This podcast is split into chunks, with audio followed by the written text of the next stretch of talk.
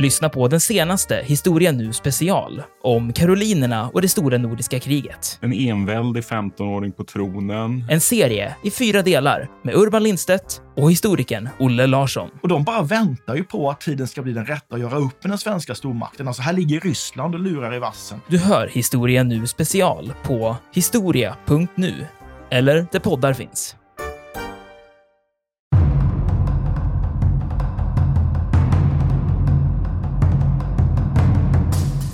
Vad, vad handlar egentligen krig, krig om för en soldat? Handlar det om att undvika döden? Är det den berättelsen man kommer hem, att man har undvikit döden?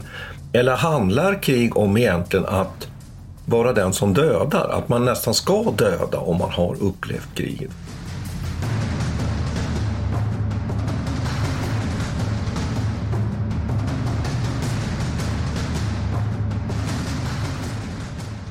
Militärhistoriepodden är podden om krig med människor och samhället i fokus. Programledare är Martin Hårdstedt, professor i historia vid Umeå universitet och Peter Bennesved, doktor i idéhistoria.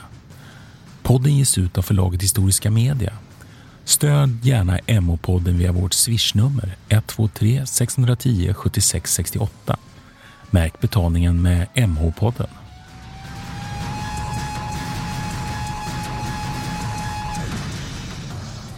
Välkomna till Militärhistoriepodden. Jag heter Martin Hårdstedt. Och jag heter Peter Bennesved. Eh, idag ska vi prata om soldaters, kanske hela samhället och hela nationer, länders erfarenheter, upplevelser av krig.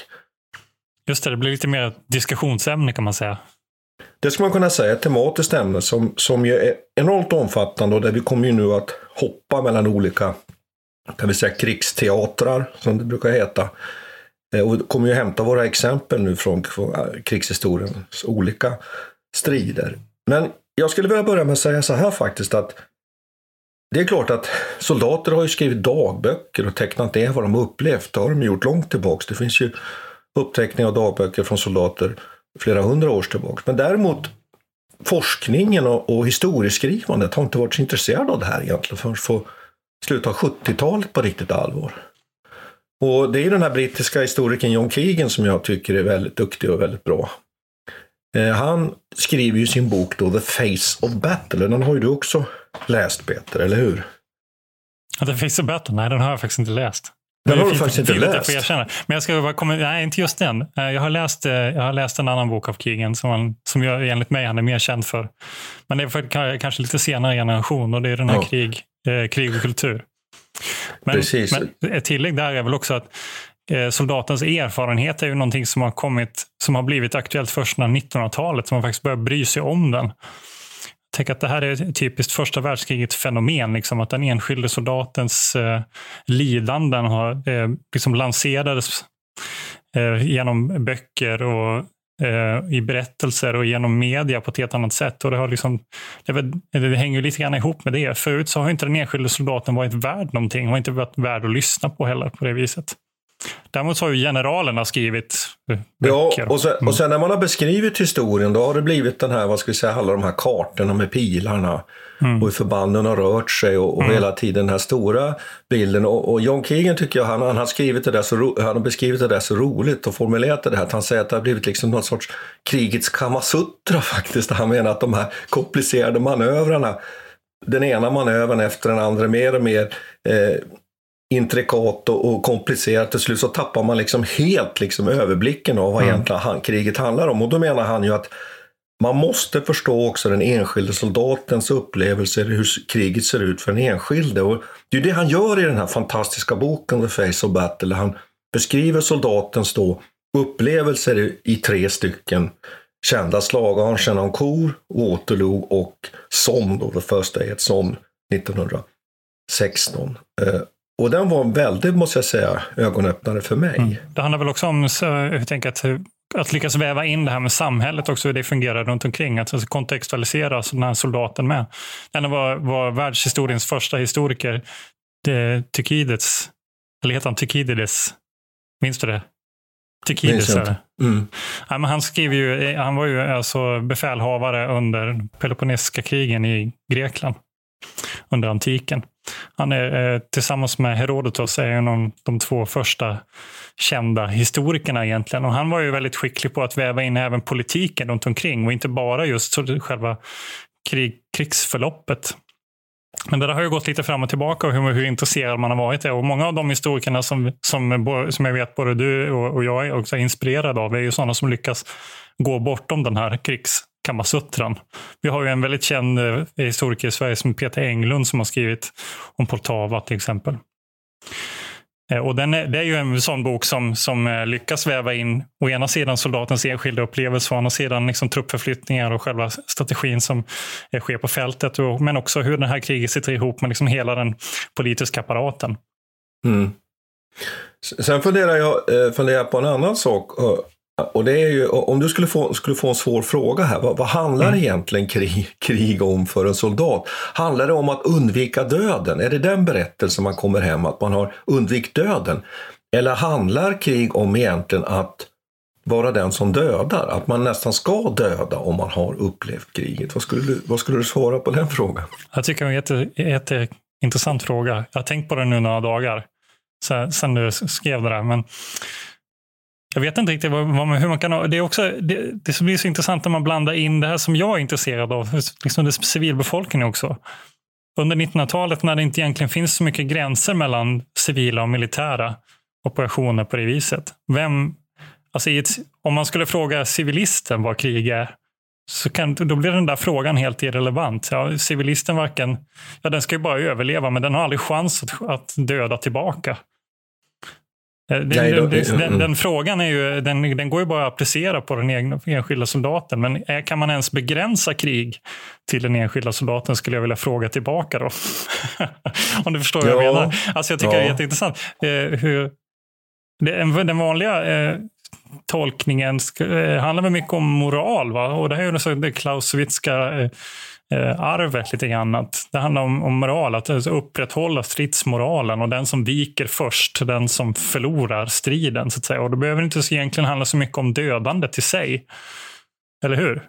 Nej, Eller nej, Klaus, nej, precis som du säger, när Clauset försöker förstå kriget och beskriva kriget, då handlar det just om att det är en, en, en, en handling, en våldsövning, en, en, vilje, en viljeyttring är ju kriget i stor utsträckning som du säger. Nej, jag, jag tänker, jag skrev ju det där till dig för att, för att eh, vi diskuterar ju, förbereder, förberedde ju våra, våra podcast genom att vi, vi bollar olika idéer. Och det är ju den som, som ju framförallt har tagit tar upp det här i en väldigt, väldigt intressant och väldigt bra bok, det är ju Joanne Burks Intimate eh, History of Killing. Och där hon ju just ställer den där frågan, vad handlar det egentligen? Och då menar hon att Många gånger tror man att det handlar om att undvika döden, men egentligen så är det ju så att, att krig handlar ju om att faktiskt döda. Och hon tycker jag på ett väldigt övertygande sätt liksom går in och visar det där under då tre krig under 1900-talet, första, andra, andra världskriget och Vietnamkriget. Att mycket cirkulerar kring det där att man faktiskt ska döda som soldat. Faktiskt ta en annan människas liv. Då. Mm. Det låter som en, eh, ett väldigt naivt påstående. Det handlar om att döda. Men det är ju lite, det är ganska komplext om man väl börjar fundera ja, över det. Och det är väl det som är problemet, problemet lite här när vi är inne på det här med upplevelsen och alltihopa detta. Att en människa i grund och botten vill ju inte döda en annan människa. Utan den militära utbildningen den, den syftar till att plocka bort den här spärren. Därför att man i den här situationen måste kunna vara beredd att döda en motståndare därför att det, det är vad man gör i krig om man är i en krigsorganisation och bedriver krigföring så, så mm. måste man vara beredd att döda och den militära träningen handlar ju väldigt mycket om att eh, helt enkelt lära sig att ta bort den där spärren, det som inte egentligen är naturligt för en människa. Nu kanske någon skulle invända då att ja, men det är visst så att hos människan finns det en biologisk drift att döda andra. Det, det kan vara, kan vara hänt, må, må så vara, men i alla fall visst, västerländska civilisationer och de flesta civilisationer i vår egen tid, där är det ju inte så. Utan där, där måste man ta bort den där spärren. Och jag tycker det är jätteintressant det här med my, myter kring, mm. kring vad en krigare är. Mm. Och vad det är som kännetecknar att man är soldat. Mm. Ja, det, eh, och, och, den här bilden av den soldaten har ju, bilden av den eh, den eh, ultimata soldaten har också förändrats. Det är, det är också någonting som Keegan pratar mycket om. A lot can happen in three years, like a chatbot may be your new best friend. But what won't change? Needing health insurance. United Healthcare Tri Term Medical Plans, underwritten by Golden Rule Insurance Company, offer flexible, budget friendly coverage that lasts nearly three years in some states. Learn more at uh1.com. Ever catch yourself eating the same flavorless dinner three days in a row? Dreaming of something better? Well, HelloFresh is your guilt free dream come true, baby. It's me, Gigi Palmer. Let's wake up those taste buds with hot, juicy pecan crusted chicken or garlic butter shrimp scampi. Mm. Hello Fresh. Stop dreaming of all the delicious possibilities and dig in at HelloFresh.com. Let's get this dinner party started. Many of us have those stubborn pounds that seem impossible to lose, no matter how good we eat or how hard we work out. My solution is PlushCare. PlushCare is a leading telehealth provider with doctors who are there for you day and night to partner with you in your weight loss journey. They can prescribe FDA-approved weight loss medications like Wagovi and Zepbound for those who qualify. Plus, they accept most insurance plans. To get started, visit plushcare.com slash weight loss. That's plushcare.com slash weight loss.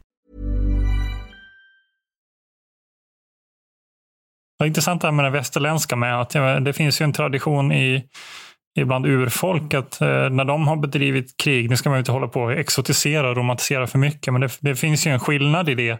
Att de till exempel inte har varit nödvändigtvis intresserade av att döda varandra i strid, utan det är någonting som kännetecknar just västerländsk krigföring. Det ska man komma ihåg, att de har varit mer intresserade av det symboliska värdet av att så nedkämpa din fiende och sen ta krigsfångar. Sen höll de ju på med massa andra saker i Sydamerika, till exempel att man offrade de här soldaterna uppe i i olika ritualer och sånt. Så att de dog ju eh, eventuellt i alla fall. Så att säga. Men, mm. men där, där var inte liksom just det, det dödandet centralt för dem i alla lägen. Utan det är någonting som, och jag kommer ju prata om konkistadorerna i vårt avsnitt om, om eh, sjukdomar och krig. Och där eh, uppstod ju en sån här situation att, att de här eh, sydamerikanska folken sprang fram med klubbor och nät eh, för att liksom fånga in spanska conquistadorer. medan de då blev mötta av en järn och eld som helt enkelt syftade till att döda på västerländskt klassiskt vis liksom nedkämpa, nedkämpa sin fiende fullkomligt. Nej, men jag, det tror jag du har alldeles rätt Jag tycker det är jätteviktig skillnad där att i, i den västerländska krigföringen, där handlar det ju om att nå på något sätt ett sorts resultat. Och att man ju också utvecklar en viss disciplin, att man står på en linje, mm. att man slåss till sista man. Eh, tar man då till exempel, eh, jag tänker på eh, när Napoleon åker till Egypten, fälttåget till Egypten, eller tidigare under korstågen. Där de här riddarherrarna ska liksom, liksom charge home, sätta in mm. sitt kavalerianfall och, och, och, och de muslimska trupperna de, de de faller undan och väntar tills, tills eh, korsfararna är utmattade några veckor senare, sen anfaller de på natten. Att de har liksom ett, ett helt annat kulturellt sätt att se också på hur kriget ska genomföras. Och, och, och, nu är vi kanske inne på ett litet sidospår med just det här med vad, vad som är hedersamt och så vidare också. Men precis som mm. du säger, att då, krigen kunde många gånger vara rituella. Eh, mm. också att man, om man tittar till exempel i, i Sydafrika, där så småningom det utvecklas ju en Zulu-nation som har sådana assegajer, alltså sådana här korta spetsspjut, de når ju enorma framgångar med just precis som du säger, att de inte längre ser krigen som ritualer. Som nästan religiösa ritualer. Där man mm. hånar motståndaren och sådana saker, men egentligen aldrig dödar någon i, i större mm. utsträckning. Ibland kanske till och med bara utse någon som ska göra striden. Ja. I en tvekamp. Precis, men här plötsligt så attackerar man med de här och helt enkelt dödar sina motståndare. Och då kan man ju lägga under sig egentligen hela södra Afrika sen så småningom. Eh, och det, det är ju jättespännande. Men att dödandet inte, inte, Behöver, behöver vara kopplat till, till krigarideal. Men tittar man på 1900-talets mm. krig så är det jättespännande. Och jag, jag tycker att en sak som, är, som, som jag tycker att man kan inte komma runt, det är det här med bajonetten. Mm. Jag kommer ihåg vi pratade om, när, vi, när vi pratade om kuloden eh, så, så diskuterade jag ju bajonetten lite grann där. Och det kommer jag ihåg att eh, inför förberedelserna så läste jag en hel del om just att, att man höll kvar bajonetten eh, trots att den var eh, egentligen obsolet teknologiskt sett eh, långt fram eller se, se, under sent 1800-tal så höll man kvar den för att den på något vis skulle då träna upp soldaten att vara modig att den skulle ha någon sån funktion att om du blir tränad i bajonettstrid så skulle du liksom behålla din manlighet och och inte blev, vad ska man säga, ska inte förlora din manlighet med de här eh, vapnen som kan döda på avstånd. Exakt. Och det där, precis inför första världskriget, så mycket instruktionerna i, i den militära utbildningen så utbildar man ju i de här bajonettteknikerna. Och det var ju för att man menade att om man inte hade bajonetten så att soldaten kunde, kunde så att säga förväntas i alla fall i no, något läge ta sin motståndare in på livet och bringa den om livet med ett bajonettstick Mm. Ja, då tappade man som du säger liksom motivationen för soldaten därför att det här kriget på avståndet blev, för, blev liksom för, för anonymt. Mm. Och det tycker jag är jättespännande. Så här ser vi ju en skillnad då mellan att krigets upplevelser då under, under, under så att säga, historisk tid, och då menar jag ända fram fram på 1800-talet med Napoleonkriget, där, där var, var ju närheten, att man såg ju faktiskt vem man, faktiskt vem man, man dödade. Mm. Medan sen ökade ju avstånden som du säger. Mm. Ja, det är två tredjedelar eh, av soldaterna dör ju under första världskriget dör ju av artillerield. Ja, absolut. Och bajonettstick är ju bara några procent. Alltså. Det, det, är ingenting. Ja. Så att den där närkampen, men som du säger, och att man till och med sådana här förband som sysslade med postutdelning och sjukvård och sånt här blev oerhört förgrymmade när man tog in bajonetterna, ville inte dela ut dem därför att den här bajonetten på något sätt var så starkt kopplat just till den här krigaridealet. Att med ett sånt vapen skulle man liksom komma in, komma nära då motståndaren. Då har jag en fråga till dig Martin, som jag, eftersom du lever och verkar i Finland numera. Det är ju vanligt att eh, man som doktor eh, i Finland får ha med sig, eller man, man blir utrustad med en värja, va? Som någon ja, slags, eh, ja. ja.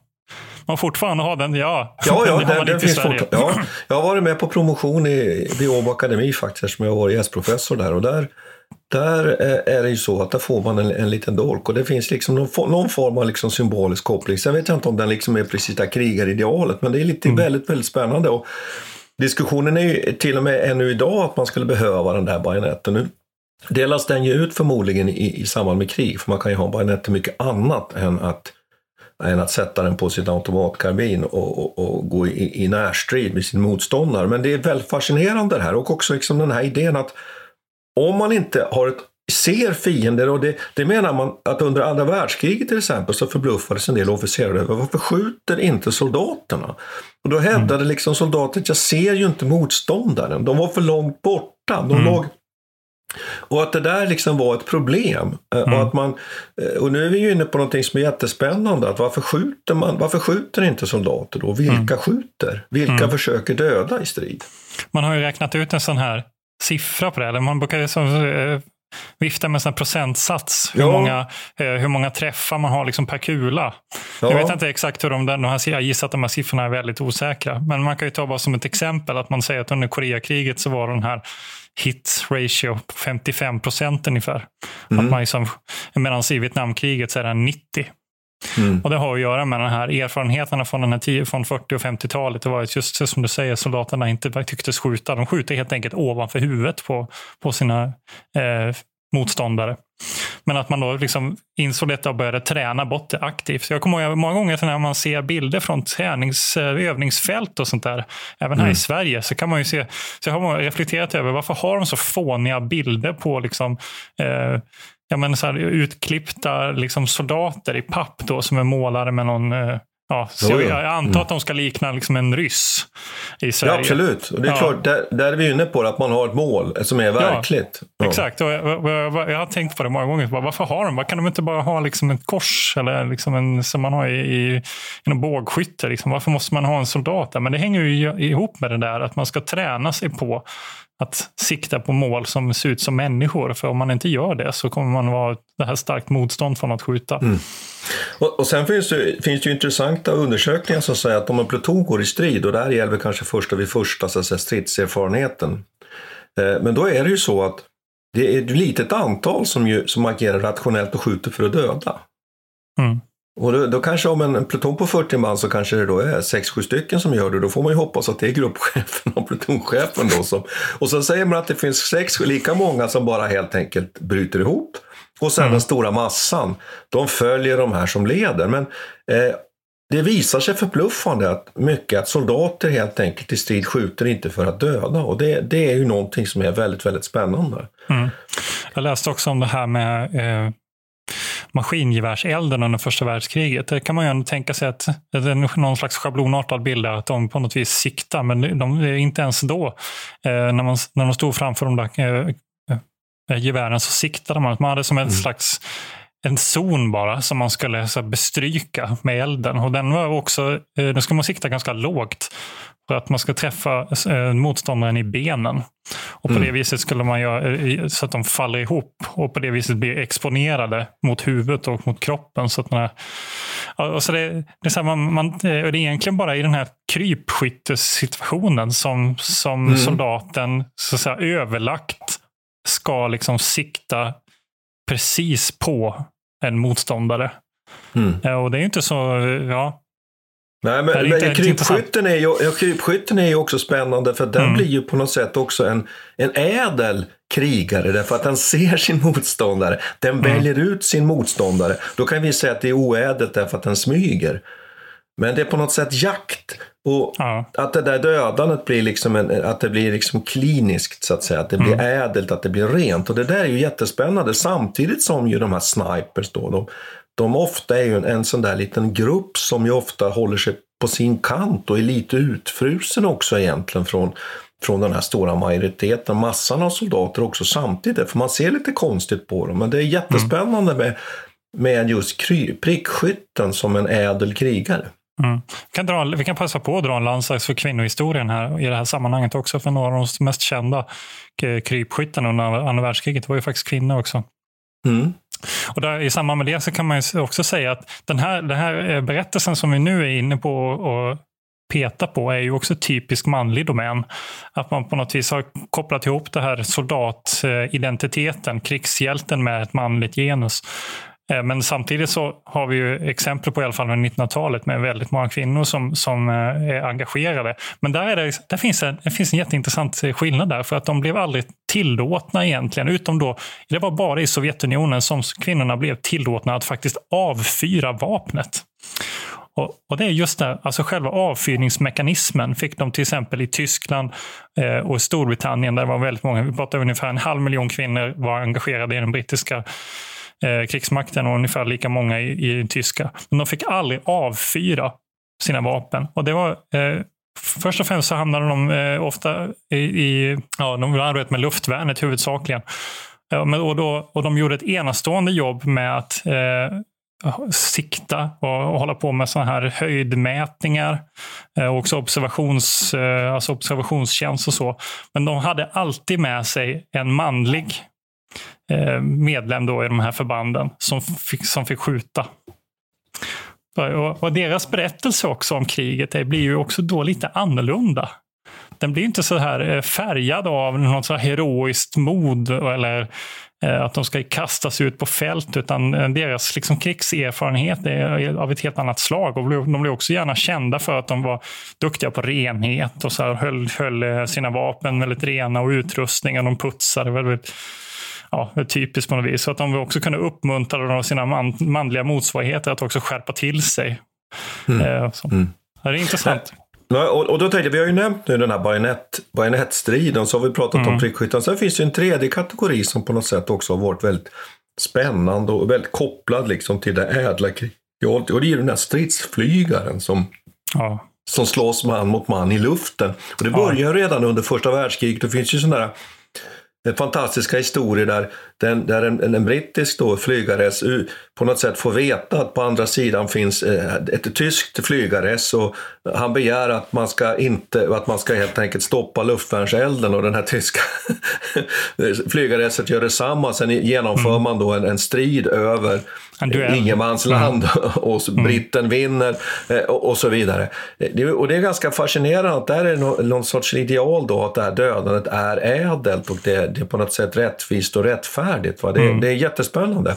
Men jag skulle vilja, jag skulle vilja lite återgå lite till, till John Keegan och det här. Vad, vad är det man vinner med att man förstår eh, eh, soldatens upplevelse? Jo, den är att man plötsligt kommer bort från stora missuppfattningar. Och jag skulle vilja ta direkt ett exempel. Slaget vid Waterloo, eh, den här stora, stora kavalleriinsatsen som fransmännen gör med sitt tunga kavalleri under slaget vid Waterloo, där ju britterna formar då karré, fyrkanter för att stoppa det. Och varför gör de det? Jo, det är för att kunna koncentrera elden och, och liksom sluta samman. Och det spännande där är ju att man har ju någon sorts upplevelse, jag vet inte vad du har för, för, för eh, vad du ser framför dig Peter när du tänker på det där. Men ofta mm. traditionellt tänker man sig att det blir någon sorts kavalleriklasch där med bajonetter och, och mm. ja, det vet så. Men det är ju inte så, utan det visar ju John Keegan här väldigt tydligt att de når ju aldrig fram, de här kavalleristerna. De kommer ju att stupa då som närmast kanske 10 meter ifrån därför att den här koncentrerade elden skapar en sån liksom blyvägg. Att mm. de når aldrig fram. Och där tycker jag ett bra exempel på hur man kan liksom börja förstå hur de här striderna var. Jag har också ett annat exempel från slaget vid, vid Oravais den 14 september 1808, det som var ett av de stora slagen under, under finska kriget. Och där, där beskriver en, en, en av de här som, det, som finns med där, Eh, eh, eh, då Fänriken Ljunggren, han är med i Västmanlands regemente och, och genom, de genomför ett frontalt anfall där och man ska ta sig över en å. Och det är nästan lite tragikomiskt där, för där tappar de en major bland annat där i ån som bara försvinner. Han återkommer sen liksom långt flera timmar efteråt och sådär. Och hur den här stridsrörelsen, och han säger att vi efter att passagen av den där ån, då, då, då, liksom, då, då framryckte vi som en fårskock liksom i fullständigt kaos. Och, och då kan man ju skratta åt det här, det är ju fruktansvärt mitt under strid. Va? Och, och att det här på något sätt det ger oss en förståelse för hur, hur, strid, hur striden mm. egentligen var. Mm. Det tycker jag är viktigt, för annars blir det de här fyrkanterna och den här mm. Eh, pilarna va? På kartor. Det är, något, det är någonting man, man liksom strider lite om med, inom historieämnet med. Huruvida man ska se på, i alla fall i samband med första världskriget, Johanna, Johanna Burke som du nämnde innan, hon är också med i den här diskussionen, huruvida soldaterna njöt av att vara med i striden eller ja. inte. Ja. Och det är, för det är, så, det är någonting som du säger, även om den är ett väldigt, det är väldigt blodigt och tragiskt och människor blir lemlästade och dör och allt det här. Så måste det ju samtidigt ha funnits plats för liksom en svart humor Eh, komik i vissa fall. Eh, och en del har ju, eh, det finns ju en, en, en, liten andel av soldaterna också som har räknat ut, man vill säga ungefär 2 procent i alla fall, som tycker att det här är typ det roligaste som finns. Så det kan man, ju, kan man också lägga till att de där 2 procenten har, man antagligen, har antagligen någon slags eh, diagnos eh, någon slags eh, psykopatdrag. Many of us have those stubborn pounds that seem impossible to lose, no matter how good we eat or how hard we work out. My solution is PlushCare. PlushCare is a leading telehealth provider with doctors who are there for you day and night to partner with you in your weight loss journey. They can prescribe FDA-approved weight loss medications like Wagovi and Zepbound for those who qualify. Plus, they accept most insurance plans. To get started, visit plushcare.com slash weight loss. That's plushcare.com slash weight loss. Quality sleep is essential. That's why the Sleep Number smart bed is designed for your ever-evolving sleep needs. Need a bed that's firmer or softer on either side? Helps you sleep at a comfortable temperature? Sleep Number smart beds let you individualize your comfort so you sleep better together. JD Power ranks Sleep Number number 1 in customer satisfaction with mattresses purchased in-store. And now, save 50% on the Sleep Number limited edition Smart Bed for a limited time. For JD Power 2023 award information, visit jdpower.com/awards. Only at a Sleep Number store or sleepnumber.com. Hiring for your small business? If you're not looking for professionals on LinkedIn, you're looking in the wrong place. That's like looking for your car keys in a fish tank. LinkedIn helps you hire professionals you can't find anywhere else, even those who aren't actively searching for a new job but might be open to the perfect role. In a given month, over 70% of LinkedIn users don't even visit other leading job sites. So start looking in the right place. With LinkedIn, you can hire professionals like a professional. Post your free job on linkedin.com slash achieve today. Men det är också så här, vilken, vilken berättelse ska man då välja? Var, vilken mm. typ av eh, skildring av kriget är det egentligen som är den korrekta? Eh, för om man tittar då på eh, Remarks bok, eh, till exempel på, på västfronten. Västfronten nytt, ja. Som, eh, får jag bara lägga till det, som ja. ju ofta har färgat vår syn egentligen på första världskriget. Mm. Eh, väldigt, väldigt mycket. Och det kan man ju säga att den förbjöds ju sen också i Nazityskland därför att den var ju så realistisk att den på något sätt var, var defatistisk och, och, och sådär. Mm. Men den innehåller ju både det här fruktansvärda, grisiga, eh, liksom korta konstateranden att människor bara blir pulveriserade av granateld.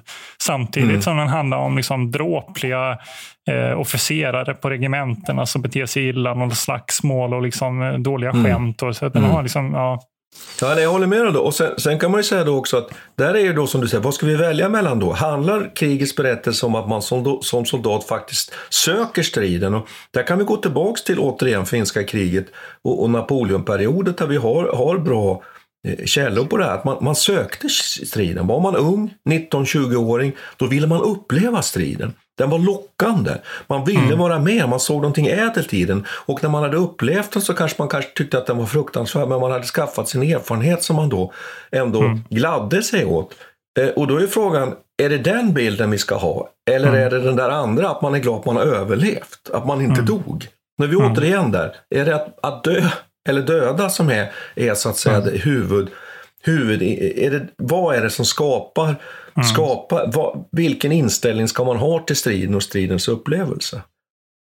Där kan vi, eh. ska vi, lyfta, eh, vi kan ju lyfta diskussionen upp till nationsnivå när vi ändå är här. För det, här, det, anknyt, det du säger här nu anknyter ju till någonting. Mm. Eh, också om man tar veteraner som ett exempel, som ett problem som uppstår då. Då har, då har du veteraner som å ena sidan i, i aktiv krigstjänst uppmuntras att genomföra eh, Eh, fruktansvärda handlingar gentemot andra människor. De uppmuntras att döda och, och så vidare och vara kallblodiga. Ibland rena avrättningar. Och sen så när de då kommer hem, när kriget är över, det här är ju ett känt fenomen, så möts de ju av människor hemma vid som inte alls förstår och som inte alls kan eh, acceptera de här berättelserna som de kommer med. Och då blir mötta av, de blir mötta av ett annat normsystem helt enkelt. Och detta skapar liksom en psykologisk konflikt. Där de helt enkelt inte känner sig förstådda och inte blir respekterade för sina gärningar. Eh, och det blir som ett slags trauma för dem. Och det handlar ju om i sin förlängning då, det handlar om att kanske nationen i sig, alltså på en väldigt övergripande, nu blir det väldigt abstrakt här, jag hoppas att lyssnarna finner det intressant ändå, men det handlar om att nationen i sig kan ju också formera sig runt en enskild berättelse om vad det här kriget som soldaterna varit med om faktiskt betydde. Eh, och mm. den, den berättelsen kan ju vara väldigt annorlunda från den enskilde soldaten. Ja. Mm. Jag, jag skulle kunna säga, om vi tar, tar, får jag ta några exempel på det du säger nu? Mm. Det är ju att tar vi inbördeskriget i Finland, där man på den vita Finlands sida säger att detta, detta är rättfärdigt krig, eh, det är ett krig framförallt för, för Finlands frihet, det är framförallt ett krig mot, mot kommunisterna, men kanske framförallt krig mot Ryssland för friheten. Ja, då, då blir ju även det här dödandet som kanske är folkrättsligt problematiskt blir ett mindre problem. Medan mm. från den andra sidans, ja, då är det ett stort problem. Kommer du hem från vinterkriget 40 med dina erfarenheter, då kanske man förfäras över vad den här har gjort, om man överhuvudtaget berättar någonting, ska vi lägga till. Kommer man hem från Vietnam, ja då blir reaktionen som du säger en helt annan. Det här mm. varför åkte du dit? Vad har du gjort? Och man, som ett stort frågetecken och det blir ett stort trauma för de här mm. soldaterna som ju har försökt att, att ändå liksom göra sin tjänstgöring rättvisa mm. borta i Vietnam. Och det är jättesvåra saker det här tycker jag. På, en, på en mer banal nivå också, om jag, får, jag vill nämna en anekdot från min, min eh, ärade morfar. Han, mm. född, han är född 1913. Eh, han är numera död. Han blev väldigt gammal, han blev 103 år gammal. Han eh, var ju med då givetvis eh, under andra världskriget, var ju inkallad. Och jag som då som historiker, som har precis tagit min kandidat, så jag träffade honom vid ett tillfälle och tänkte jag, jag måste ju passa på, han börjar bli väldigt gammal, jag måste passa på att fråga honom hur den där upplevelsen var. Liksom. Nu var ju inte Sverige med i kriget då på det viset, men vi var ju ändå beredskap och han var ändå en del av den där stämningen. Jag var väldigt intresserad. Eh, och, då, den, eh, och då hade jag, jag vet inte vad jag hade förväntat mig egentligen, men jag fick eh, av honom då en väldigt, nu ska vi säga att han är, liksom en slags landsbygdsentreprenör, varit åkare, var åkare hela sitt liv och framgångsrik sådan. Så han fick köra buss Eh, under de här beredskapsåren. Men det enda han kunde berätta för mig, det var att han fick mycket beröm för att han, höll, att han skötte sitt, sitt ämbete väldigt bra och att han höll bussen väldigt ren. Eh, det var liksom, den upplevelsen var jätteviktig för honom eh, från beredskapsåren. Att han hade fått beröm av officerarna att han hade skött sig så himla bra. Liksom. Och det var det, han, det var det första han ville berätta för mig eh, om den här åren. Medan jag förväntade mig liksom, någon storskalig så här, berättelse. Bara, och jag, jag minns det. Och liksom, eh, krigsstämningen och vi skulle bli anfallna. Jag hade, var helt inne på en annan typ av narrativ som, som också florerar mm. i samhället. Men jag fick aldrig det bekräftat av honom. Han var väldigt så här, man, ja, och vems berättelse är viktigast egentligen? Jag vet inte. Nej, men sen kan vi också ta upp tycker jag, en diskussion att, att vi pratar nu lite slarvigt här om upplevelser och erfarenheter om vartannat. Och där kan man ju ja. säga att, att eh, det märkliga här är att man på, det här kan också liksom bli en språklig, språklig sak. På engelska har man ju bara ett ord för det här som förenar de här två, experience. Då. Men i svenskan och tyskan och så vidare, så där pratar man ju om att man har en upplevelse som händer då.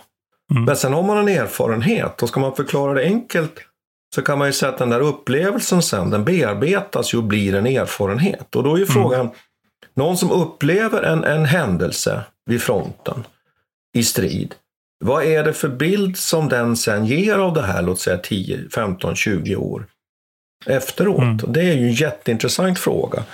Eh, mm. Vad, är det som, vad är det som läggs till och bearbetas in i den här berättelsen och mm. hur, hur förändras den? Och vad mm. lyfter man fram?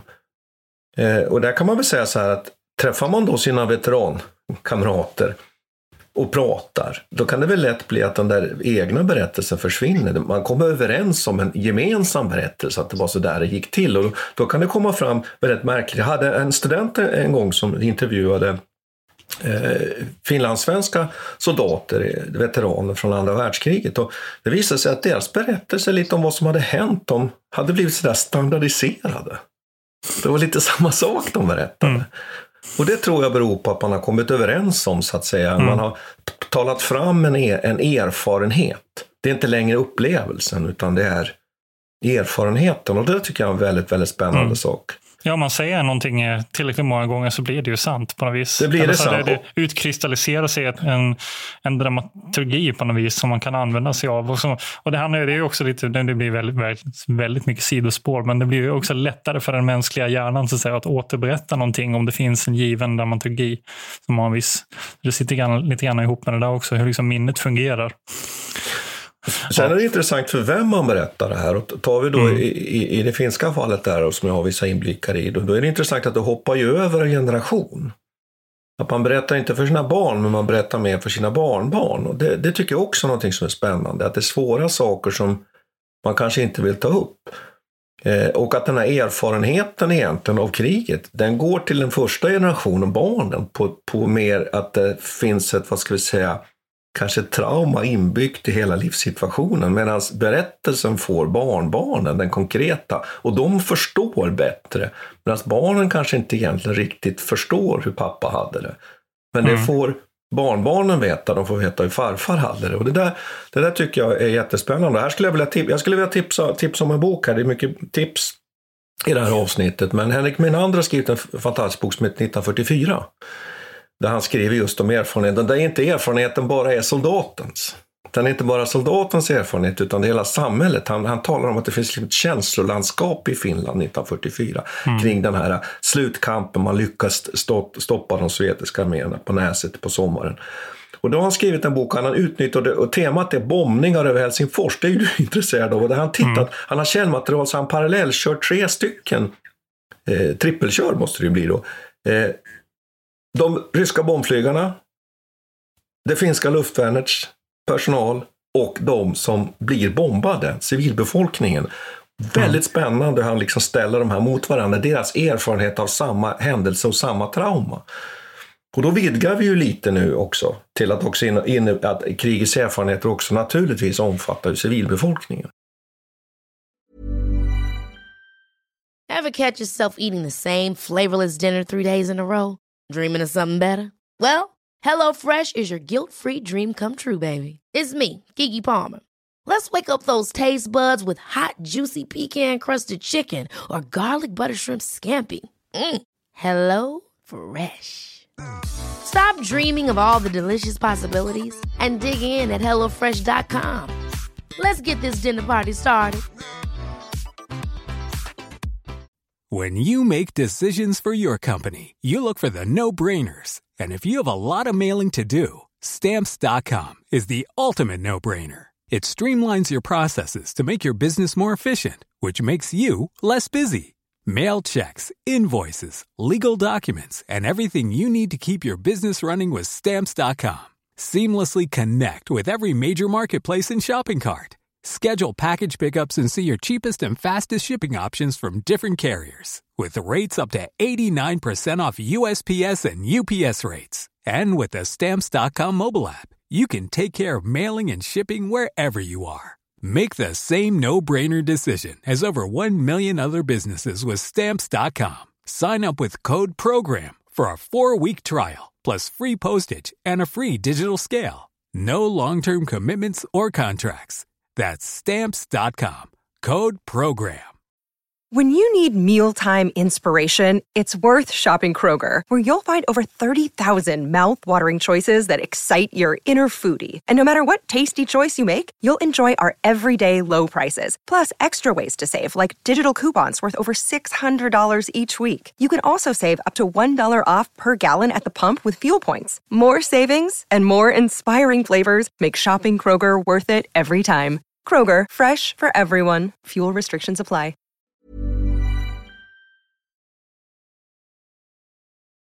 Ja, nej, men det här med, med civilbefolkningens eh, eh, berättelse är ju också intressant i den. Jag, jag tänker ofta, eh, jag som är intresserad av kalla kriget och, och atombombsrädslan är ju eh, också ett, det blir ett väldigt märkligt fenomen och, och det, det griper ju in i alla de här sakerna vi har pratat om egentligen. Att å ena sidan handlar det om att överleva, men det är helt omöjligt att slå tillbaka. Och, och å andra sidan så handlar det om en övergripande berättelse om ett atombombshot som har verkat under kalla kriget, eller som man påstår har verkat, medan folks vanliga liksom, tillvaro är helt egentligen oberörd av.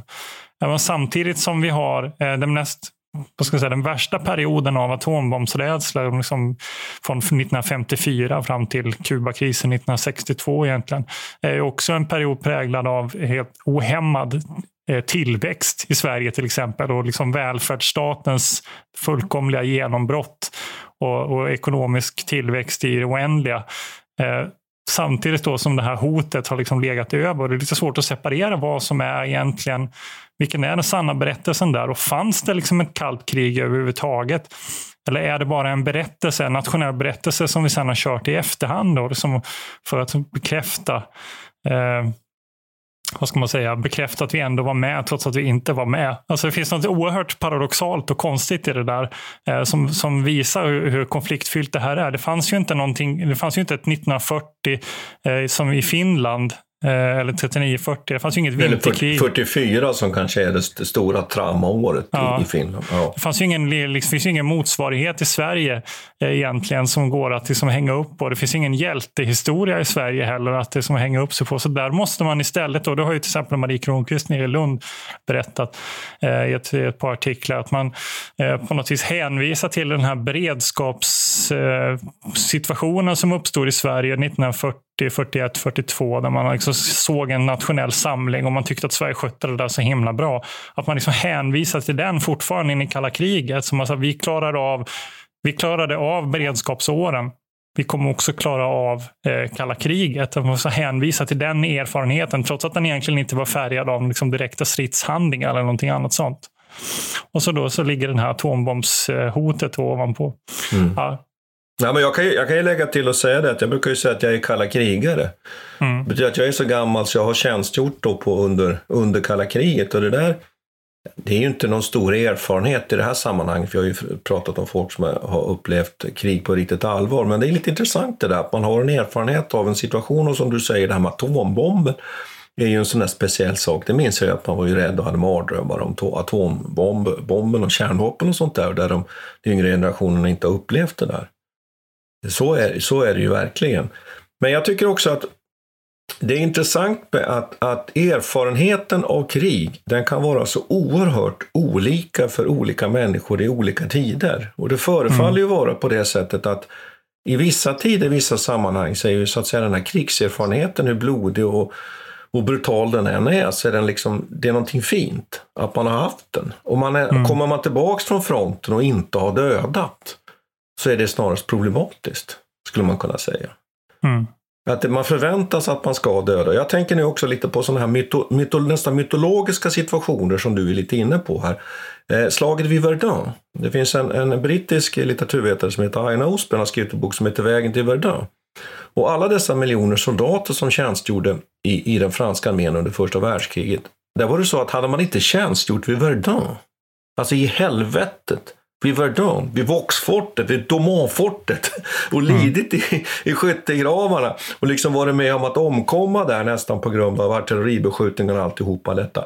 Om man inte hade upplevt det i helvetet på jorden, ja då hade man inte varit med i första världskriget. Det spelar ingen roll om man hade varit på någon annan front. Det är ganska spännande. Och han räknar ut där att det är ungefär en miljon franska soldater som i något skede är med vid, är med vid Verdun.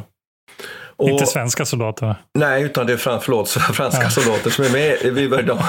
och, tjänstgör, och, och, det betyder att alla de här andra, de hade så att säga inte varit med och egentligen upplevt kriget om man inte hade slagits vid helvetet i Verdun. Och det där är också mm. spännande, att där mytologiseras ju den här fruktansvärda striden. Ju, och det var ju, var ju ett av de här vad ska jag säga, utnötningsslagen ju under första mm. världskriget. Så, och där bygger man upp en sån här mytologi. Eh, kring en speciell liksom, operation eller ett speciellt mm. slag. Hade man inte varit med det, ja, då hade man överhuvudtaget inte krigat. Det tycker jag är väldigt spännande. Är det inte lite samma sak med ni som är kalla krigare då? Alltså jag tycker att jag ser samma tendens lite när man pratar om kalla kriget, små, liksom, eh, ja, beredskap eller vad man ska kalla det under de här åren. Att folk som har varit med som på något vis var, som var krigsplacerade eller, eller liksom fick rycka in under ubåtskränkningarna eller något sånt där. Har liksom, eh, det känns som att de på något vis definierar den där historien som att det, som, nästan som att de var i krig. Eller? Jo, det, det tror jag absolut. Och det här kommer också fram, till exempel, om vi tittar på den här filmen Okänd soldat. Mm. Som ju, den har ju, har ju nyproducerats för, för, för inte alls så länge sedan. Den är fantastisk. Jag såg ju för övrigt den den långa versionen, den finska versionen som, som sändes på finsk tv i fem stycken avsnitt. Och, och där är det också det här att de som har varit med i vinterkriget, de som har erfarenheten, de har ju någonting att berätta för de här som är, som är yngre och som inte har upp, upplevt det.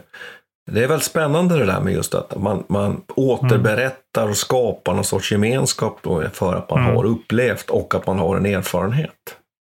Eh, kalla kriget har ju för Sverige närmast blivit en stormaktsperiod, tycker jag. Alltså när man kollar på hur den beskrivs nu i våra dagar, när vi, när vi håller på med en ny slags eh, upprustning också, trots att vi inte var då i någon, aldrig blev några stridigheter för svensk del, utan, förutom i FN-sammanhang. Eh, Eh, så har ju kalla kriget närmast fått en sån stor, stormaktsperiodstatus. Så att det, det var under den här perioden som vi hade eh, resurserna. Det var då vi hade tanksen, det var då vi hade eh, flygplanen och då vi hade en miljon soldater tränade och, och eh, enorma pengar slussades in i Försvarsmakten och så vidare. Och så vidare. Då hade vi liksom möjligheten att slå tillbaka. Och det märks ju även nu under coronakrisen som det har varit. Man har diskuterat den medicinska beredskapen. Ja, det fanns fältsjukhus och ditten och datten. Och det har blivit en romantiserad epok sak på det viset.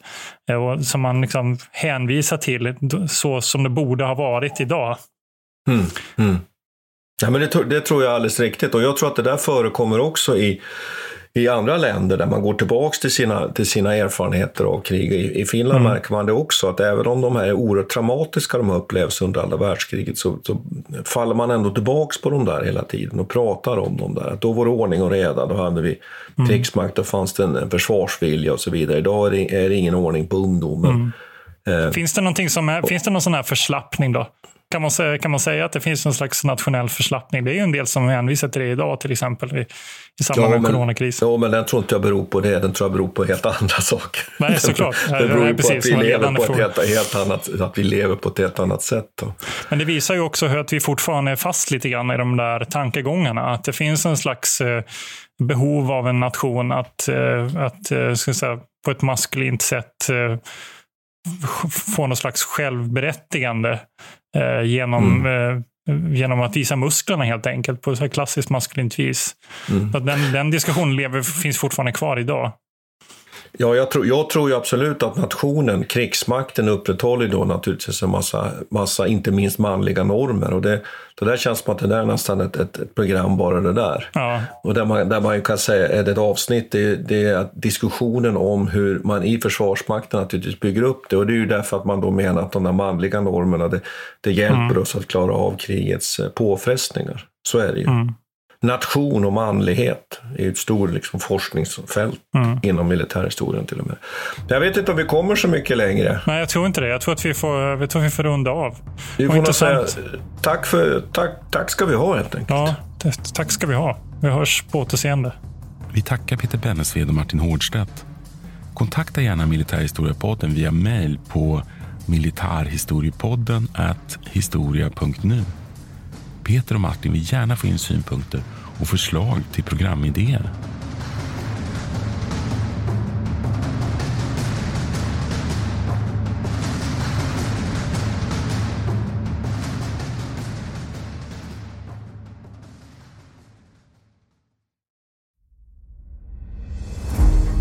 Jakob de la Gardie är den enda svenska fältherre som lett en armé till Moskva och trätt fram inför tsaren.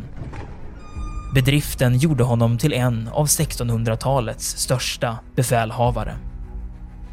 Moskvas erövrare är den första biografin över Jakob de la Gardie, en av stormaktstidens portalfigurer. Historikern Peter Ullgren följer hans stormiga bana från den föräldralösa barndomen vid 1500-talets slut till maktens topp och den mullrande statsbegravningen i Stockholm 1652. Moskvas erövrare är utgiven av förlaget Historiska Media. Ljudboken finns tillgänglig hos streamingtjänster som Bookbeat, Storytel och Nextory. Beställ den fysiska boken på förlagets hemsida historiskamedia.se eller köp den i en bokhandel nära dig.